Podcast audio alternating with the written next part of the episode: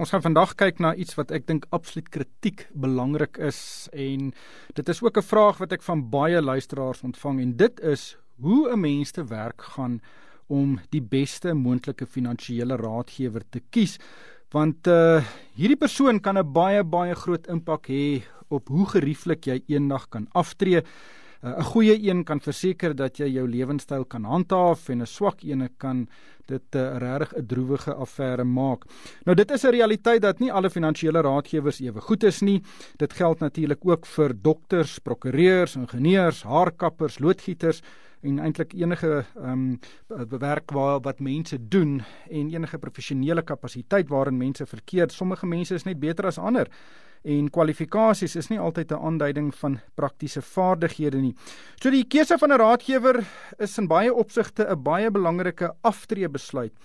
En uh, dit is die moeite werd om behoorlike huiswerk te doen voor jy by iemand gaan aanklop om jou hardverdiende spaargeld te bestuur. En ons gaan vanoggend gesels oor hoe iemand te werk moet gaan om dit te doen. My uh, gas vanmôre is Elke Brink, sy's 'n ervare welvaartbestuurder en finansiële raadgewer by PSG Wealth R21. Maar Elke, baie welkom by die program. Dis 'n uh, 'n interessante onderwerp. Maar kom ons gebruik 'n voorbeeld om hierdie gesprek mee te begin. Uh, sê nou maar ons gebruik 'n persoon, sy naam is Jan. Hy is 30 jaar oud. Hy dra by tot 'n uittreë aan die tyd al vir so 5 of 6 jaar, maar nou het hy getrou en daar is 'n uh, 'n baba op pad en ewe skielik dink hy hy het nou 'n finansiële raadgewer nodig sodat hy nou 'n finansiële plan kan kry om nou die beste van sy toekoms te maak. Eh, kan jy jouself in sy skoene sit en, en en hoe sal jy nou te werk gaan om nou die in aanhalingstekens die beste moontlike raadgewer op te spoor? Môre ryk en dankie vir die geleentheid. Dit is altyd lekker om by julle te wees. Ek dink dit is so 'n belangrike onderwerp vandag want ek dink dit is een van die belangrikste besluite en belangrikste verhoudinge wat jy ooit in jou finansiële um, portefeulje gaan maak en as mens dit van dag 1 af reg kan doen, verhoed jy net eintlik om baie foute te maak in jou portefeulje. Um en dit spaar maar net baie tyd. So ek dink in 'n ideale wêreld sou mens van dag 1 af 'n uh, finansiële raadgewer gevind het met wie jy 'n pad kan stap vir die res van jou lewe. Saam met jou familie, soos wat jou familie begin uitbrei en jou portefeulje heel moontlik meer en meer kompleks begin word. My aanbeveling sal wees om eersins te begin by groot finansiële um, maatskappye wat genoteer is. Dis eerstens 'n um, tipe maatskappye waar die vereistes baie streng is vir watter tipe adviseurs daar mag werk. In terme van ervaring van kwalifikasies wat tipe advies jy gee um die produkte wat aanbeveel word die fondse waarin mens mag belê dit word net baie strenger gereguleer. So dit sou my aanbeveling wees. En en tweedens is 'n definitiewe persoonlike verhouding. Ek dink uiteindelik is daar altyd 'n kans dat jy iemand ontmoet wat moontlik die regte kwalifikasies en ervaring het maar los net nie 'n koneksie persoonlik nie. En en dan sit heeltemal um, normaal om 'n om 'n alternatiewe adviseur te soek, maar dis belangrik dat mens daardie verhouding ook kan hê. Nou ek gaan 'n bietjie duiwels advokaat speel. Ek gaan vir jou die vrae vra wat ek byvoorbeeld sal vra indien ek nou na iemand toe soek. Ehm um, en vir my gaan dit oor opbrengs. Ek wil hê die finansiële raadgewer wat my geld sake bestuur moet vir my die beste moontlike opbrengste bied sodat ek nou gerieflik kan aftree. So as ek nou voor jou sit, my eerste vraag gaan wees, sal jy vir my kan sê Uh wat is jou prestasie met jou ander kliënte? Sal jy vir my kan sê, luister, ek het 15 kliënte en my gemiddelde opbrengs byvoorbeeld is 8% en dit klop die inflasiekoers met 3 persentasiepunte. Dink jy dis 'n billike vraag om van 'n finansiële raadgewer te verwag om oop kaarte met hulle historiese prestasies te speel? Definitief, ek dink dis 'n baie belangrike vraag om te vra en ek dink dit is iets maklik om te antwoord. Um mense het heel, heel waarskynlik die meeste adviseurs sekere portefeuilles wat hulle gebou het en dit gaan verskil van wat is jou profiel as kliënt, wat is jou ouderdom, wat is jou doelwit, is jy iemand wat afgetree is of is jy iemand wat begin spaar nou? So dit hang af van die persoonlike situasie, maar daar's heel moontlik spesifieke portefeuilles wat reeds bestaan en daar's natuurlike geskiedenis van opbrengs en dis maklik om dit te meet teen ander um mandate van so dis definitief 'n 'n redelike vraag om te vra. Sal raadgewers dit doen? Ek dink dis 'n redelike verwagting van 'n kliënt om te hê om te verstaan wat is die prestasie en en hoe vergelyk dit in die mark? Hoe vergelyk dit met met moontlike kompeteerders en hoe vergelyk dit teenoor die mark wat ek dink altyd 'n goeie maatstaf is? En verskeie bateklasse afhangend nou van hoe die portefeulje lyk, dink ek dis altyd 'n goeie maatstaf hoe het jou portefeulje presteer teenoor die mark en teenoor die maatstaf van van die risikoprofiel van die portefeulje. Dan sal ek ook vir die raadgewer vra, is jy bereid om vir my die kontakbesonderhede vir van jou kliënte te gee sodat ek hulle kan bel en dan self 'n uh, eerstehandse getuigskrif kan kry want uh, ek is nie heeltemal iemand wat sommer raad aanvaar van iemand wat om 'n braai staan en dalk met 'n bier in die hand nie. Uh, ek hou daarvan om myself by mense te hoor wat kliënte is. Sal raadgewers bereid wees om dit te doen?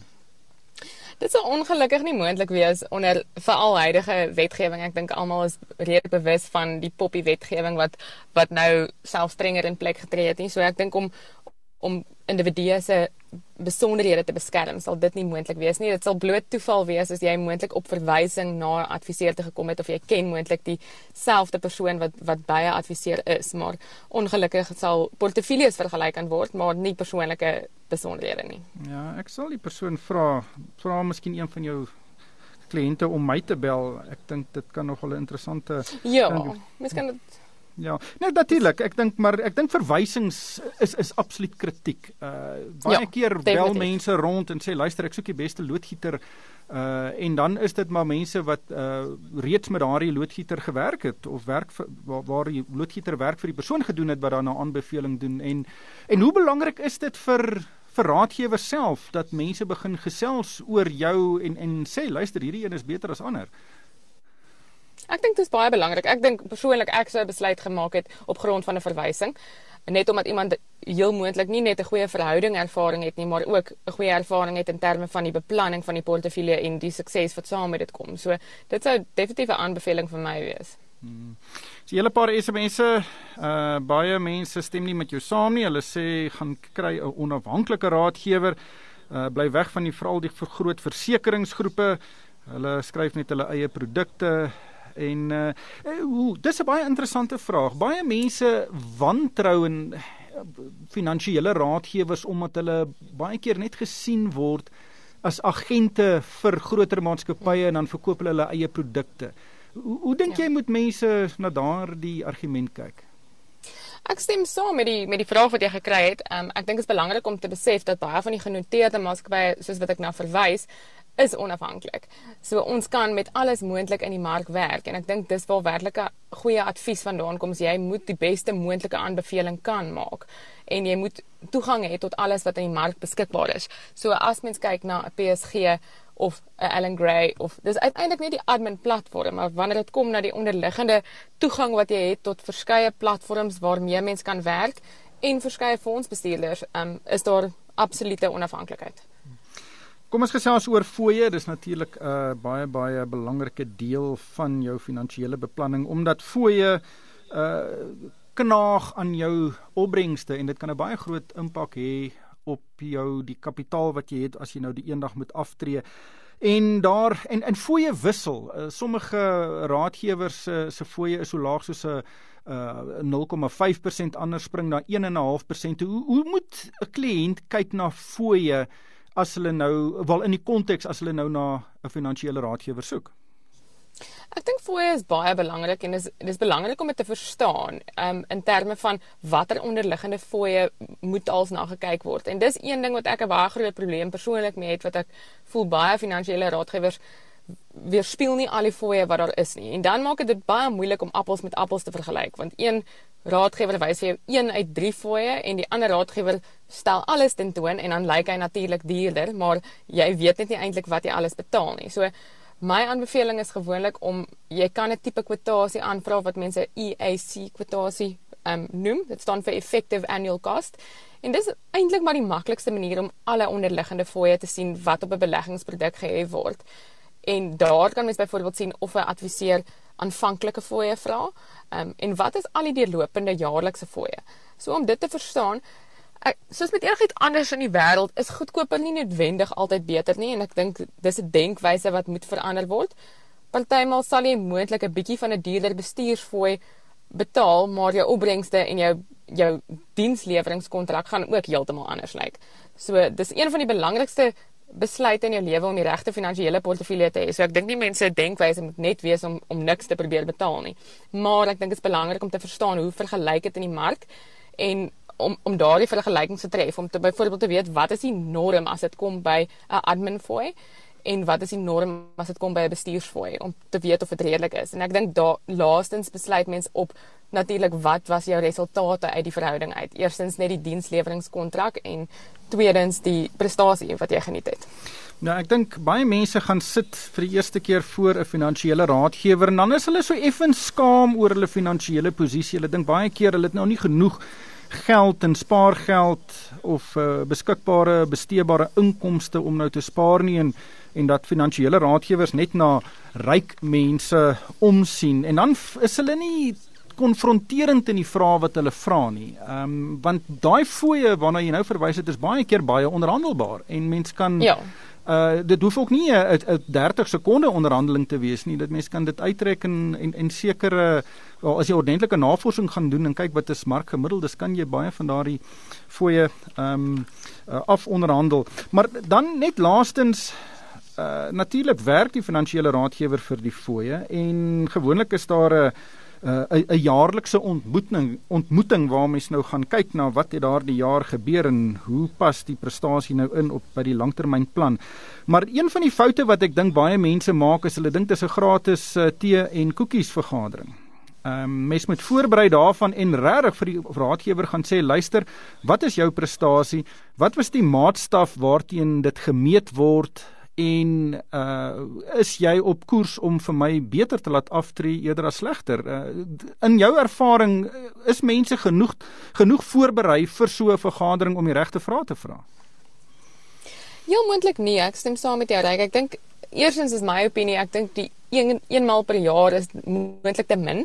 Ek dink dit is baie belangrik om 'n baie na verhouding met jou finansiële raadgewer te hê om seker te maak hulle verstaan werklik wat in jou lewe aangaan en om om saam met dit te kan beplan. Dit is baie moeilik om 'n finansiële portefeulje te beplan as jy nie regtig weet wat is die familiedinamika, wat is die finansiële behoeftes, um, is daar moontlik veranderinge? Soveel dinge kan in 'n jaar verander in 'n in 'n gesin se um, situasie. So ek dink om om daardie deurlopende kommunikasie te hê, maar saam met dit met die jaarlikse hersiening, um, is dit belangrik om om regtig in diepte in te gaan in die portefeulje. Ek dink eerstens uit 'n persoonlike opsig, um, wat het in jou familie of in jou besigheid of in jou behoeftes verander? En is daar moontlik nuwe behoeftes wat nie op die tafel is nie of 'n krisis wat gebeur het sodat mense saam met dit die beplanning kan verander.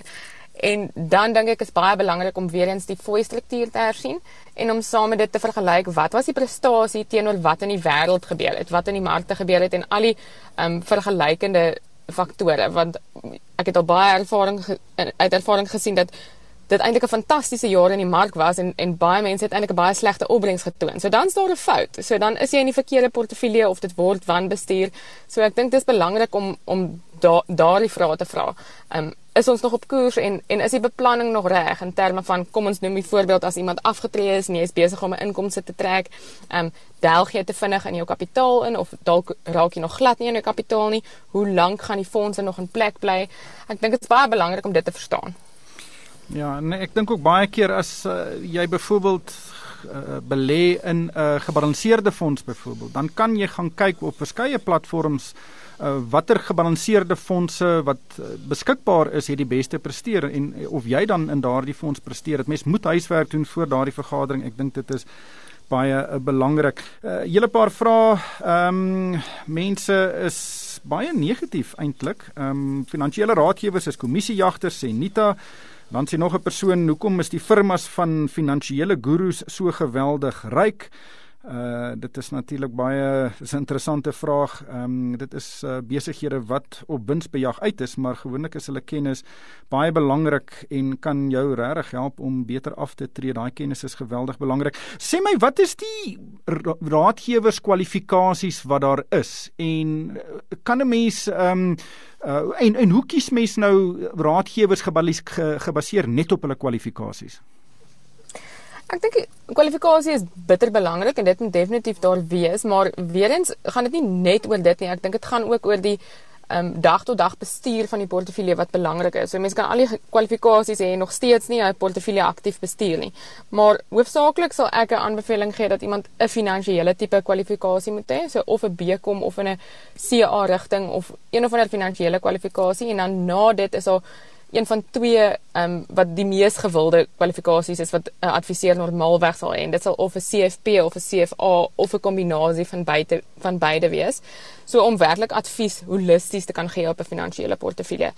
En net om op jou vorige kommentaar aan te raak wat ek dink die rol van 'n adviseur nog steeds is en ek dink mense moet dit altyd behou ehm um, hoe hoe kom mens iemand aanstel en dis uiteindelik om 'n om 'n objektiewe oorsig oor 'n portefeulje te hê. So daar was al 'n studie gedoen dat die gemiddelde portefeulje as 'n belegger dit self sou bestuur teenoor as 'n adviseur aangestel sou word, is al gemiddeld 'n 3% uitprestasie. Ehm um, jy kan 'n bietjie gaan oplees oor jy noem dit 'n gamma beginsel. En dit kom maar net daarop neer dat ek dink 'n adviseur die emosie uit dit kan uithaal wanneer die mark deur verskillende siklusse gaan om die regte besluitneming te doen. So daar's 'n rede hoekom mense 'n raadgewer aan diens wil stel. Nog 'n interessante opmerking van 'n luisteraar is dat maak seker dat jou finansiële raadgewer ook belastingkundig is want uh, die belastingimplikasies van beleggings is geweldig. En dan vra nog 'n persoon my um, portefeulje presteer absoluut pateties. Wanneer moet jy van raadgewer verander? Ek dink wanneer dit kom by die prestasie is dit belangrik om te gaan kyk wat op die oomblik ehm um, waarmee vergelyk jy dit? As ons byvoorbeeld in 'n mark ehm um, regstelling is of heel moontlik in 'n mark crash is as ek dit so kan stel, um, gaan almal sleg doen. Maar as ons op 'n punt is waar dit eintlik baie goed gaan met alle vergelykende portefeuilles en die markte is op 'n op 'n hoogtepunt wat dit nog nooit was nie, um, gemiddelde opbrengste is ehm um, enigiets inflasie plus 6 inflasie plus 7 en joune doen dit nie, dan dink ek is dit belangrik om die vraag eersins vir jou adviseur te vra. Dit mag wees dat jy in 'n verkeerde portefeulje volgens jou risikoprofiel is. Jy's dalk net in kontant of net in 'n inkomstefonds waar jy aandeleblootstelling moet hê. Maar dit mag wees dat jy in 'n heeltemal ver verkeerde um, profiel eintlik net maar is vir volgens wat jou behoeftes is. So ek dink dis ook belangrik om om te verstaan. Dit laaste en so belangrik is ervaring. Ek dink dit is baie belangrik. Ek dink dit kom dit maak dit makliker om 'n portefeulje te bestuur as mens self weet hoe dit voel om deur markregstellings te gaan. Baie van van wat mens moet weet is natuurlik wat teoreties aangeleer kan word en wat op 'n dag tot dag basis aangeleer word um, omdat dit daag die wêreld verander daagliks afhangend van wat in die wêreld gebeur. So ek dink dis belangrik. Um, maar ek sal ek dink daai balans is belangrik om ook nie iemand aan te stel wat moontlik baie jare se ervaring het maar wat nie bybly met wat nou die regte ding is nie. So ek dink om om daai middeweg te vind. Ehm um, en ek dink ook mense moet ervaring definieer. Wat is jou behoefte met hierdie verhouding? Wil jy iemand met jou saam met jou pad stap vir baie jare of wil jy jou moontlike adviseur aanstel wat elk geval self gaan aftree binnekort en dan in elk geval die persoon vervang? So ek dink mense moet besluit wat wil jy uit die verhouding uit hê. Ja, en ek dink mense moet betrokke wees, huiswerk doen, nou daai raadgewer op sy of haar tone en uh, en uh, maak seker dat jy verstaan presies wat daai besluite vir jou gaan meebring. My Elke, ons sal hier moet haltroep. Uh, baie dankie vir jou tyd en insigte vanoggend. Dit was Elke Brink, sy's 'n uh, welvaartbestuurder en finansiële raadgewer by PSG Wealth R21. Nou kyk ons weer na internasionale beleggingsgeleenthede. Henny Besidenhout sluit nou weer by my aan. Hy's een van die stigterslede van Opwest en hy is ook die voorsitter van die maatskappy se beleggingskomitee.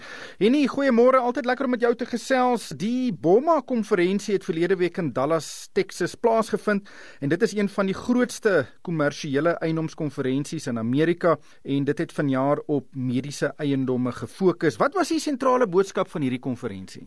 Ja, Ryk, baie dankie uh, vir die geleentheid en uh, goeiemôre aan al die luisteraars. Ons verbintenis in Opwes natuurlik is om langtermyn volhoubare welvaart te skep. Ons doen dit deur uh, in die baie stabiele gesondheidsorgindustrie te belê. En natuurlik het ons gesien nadat ons die COVID-19 pandemie beleef het, hoe sterk hierdie industrie na vore getree het. Nou, vanoggend wil ons 'n bietjie gesels oor risikobestuur. En risikobestuur begin natuurlik deur die regte eiendom te koop. Nou waar vind 'n mens hierdie eiendom? En dis waar die Bouma konferensie na vore tree. Dis natuurlik die geboue eienaars en bestuurders uh, vereniging se uh, jaarlikse kongres. By hierdie kongres uh, kom die konstruksiemense, die geboue bestuurders, die kopers en die verkopers almal bymekaar en gesels hulle natuurlik oor wat in die industrie aan die gang is. Ek kon persoonlik nie die konferensie hierdie jaar bywoon nie, maar die hele opwes span was daar. En daar kom ons op hoogte met die nuutste tendense in die mark. Die oorhoofse boodskap van verjaar se Bouma konferensie was dat daar groot belangstelling is in uh, mediese eiendomme dat die pryse van mediese eiendomme na alle verwagting sterk gaan styg in die volgende aantal jare en is ons vol selfvertroue dat ons absoluut op die regte pad is deur in hierdie eiendomme te belê. Reg oor die wêreld is rentekoerse besig om te styg. Nou ons het verlede week gesien dat die rentekoers in Suid-Afrika so effens gestyg het en die vooruitsig is dat Amerika binnekort ook hulle rentekoers gaan opstoot. Hoe raak dit kommersiële eiendomme en veral hierdie mediese eiendomme waarin jy belê in Amerika?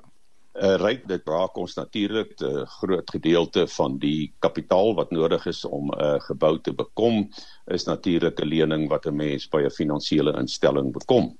En as die koste van die lening opgaan, dan beïnvloed dit natuurlik jou netto opbrengs op die gebou. Ons bestuur hierdie risiko dat ons hierdie rentekoers vasmaak by aankoop sodat ons seker is dat hierdie verhoging in rentekoerse ons nie nadelig sal raak gedurende die beleggingstermyn nie. Langer termyn sal ons maar sien hoe hoog hierdie koerse gaan styg en soos wat 'n mens aangaan en rentekoerse word hoër, beïnvloed dit natuurlik ook die aankoopprys en hoop 'n mens dan onder omstandighede goedkoper die geboue te kan bekom. Ek dink dit is belangrik om ook te noem dat hoewel rentekoerse gaan styg, gaan dit nog steeds vir 'n geruime tyd laag bly veral in die historiese konteks van waar rentekoerse die afgelope paar dekades was. Maar eh, opwes het pas 'n nuwe beleggingsgeleentheid bekend gestel. Vertel ons van hierdie geleentheid. Ja, ryk, ek dink ons het reeds verwys dat om die risiko in eiendom te bestuur, is dit die regte eiendom eerstens. Maar tweedens is 'n mens se grootste risiko seker dat jy 'n huurder kan verloor. Nou dit kan gebeur vanweë 'n klomp redes. Mense tree af, dokters tree af, mense kry dat mense verhuis, mense kry dat daar oornames is ensovoorts. So ons het uh, om hierdie risiko wanneer mense in 'n enkele gebou belê, uh, kan dit 'n invloed hê op jou opbrengs. En om dit te kan bestuur, het ons besluit om gediversifiseerde portefeuilles saam te stel. So mense belê nie net in 'n enkele gebou nie, maar in 'n reeks geboue wat natuurlik die risiko as jy 'n huurder sou verloor baie klein maak en dan 'n baie klein effek sal hê op die investeerder se opbrengs. Ons het reeds 5 van hierdie portefeuilles beskikbaar. 4 van hulle is reeds volskryf en het ons nou net pas die 5de ene beskikbaar gestel. Dit staan bekend ODH 5 of Obwest Diversified Holdings. Dit word van vandag af beskikbaar gestel. Daar's reeds 11 geboue in hierdie portefeulje. Dit bied 'n opbrengs van so 7% dividend en dan 'n totale opbrengs as 'n mens jou kapitaal groei ook in ag neem van tussen 10 en 11% en dis 'n 5 jaar belegging. Hierdie is 'n geweldige gewilde 'n uh, beleggingsinstrument en ons het gevind dat die vorige Audi Edge portefeuilles wat ons beskikbaar gestel het baie baie vinnig uitverkoop is. Ja, so hierdie is amper 'n effekte trust benadering teenoor beleggings in 'n individuele eiendom en dit versprei jou risiko so 'n bietjie. Absoluut reg. Dit is absoluut wat ons probeer bereik en bewerkstellig. En soos ek sê, dit gee baie meer stabiele opbrengs omdat jy 'n uh, reeks geboue het wat nie net 'n enkele gebou is nie, jy het verskillende liggings, jy het verskillende huurders en kry 'n baie goeie risikoverspreiding. En wat is die minimum belegging wat jy vereis? Ryk uh, op is 'n minimum belegging is uh, maar soos altyd 5000 dollar uh, en natuurlik enige bedrag hoër is dit. Waar kan 'n mens meer inligting kry hieroor? Om 4 uur vanmiddag bied Simon Brown 'n webinar aan. Die luisteraars kan inskakel of net 'n e-pos stuur aan info@opwest.com en hulle sal dan 'n uitnodiging ontvang om deel te neem aan hierdie webinar waar daar in baie meer besonderhede in diepte gepraat sal word oor hierdie geleentheid wat tans uh, beskik. Ja, dis opwest.com, dis O R B V E st.com en luisteraars kan ook op die Moneyweb webwerf vir hierdie webinar registreer. Dit is 4:00 vanmiddag. En baie dankie vir jou tyd vanmôre. Dit was Henny Besuidenhout. Hy is een van die stigterslede van Opwest en hy's ook die voorsitter van die maatskappy se beleggingskomitee. Meer inligting is beskikbaar by opwest.com. daarmee moet ons groet. Die tyd het ons ingehaal. Luisteraars is welkom om vir my 'n e-pos te stuur by ryk uh ryk@moneyweb.co.za en uh daarmee moet ons groet. Dankie vir die saamluister.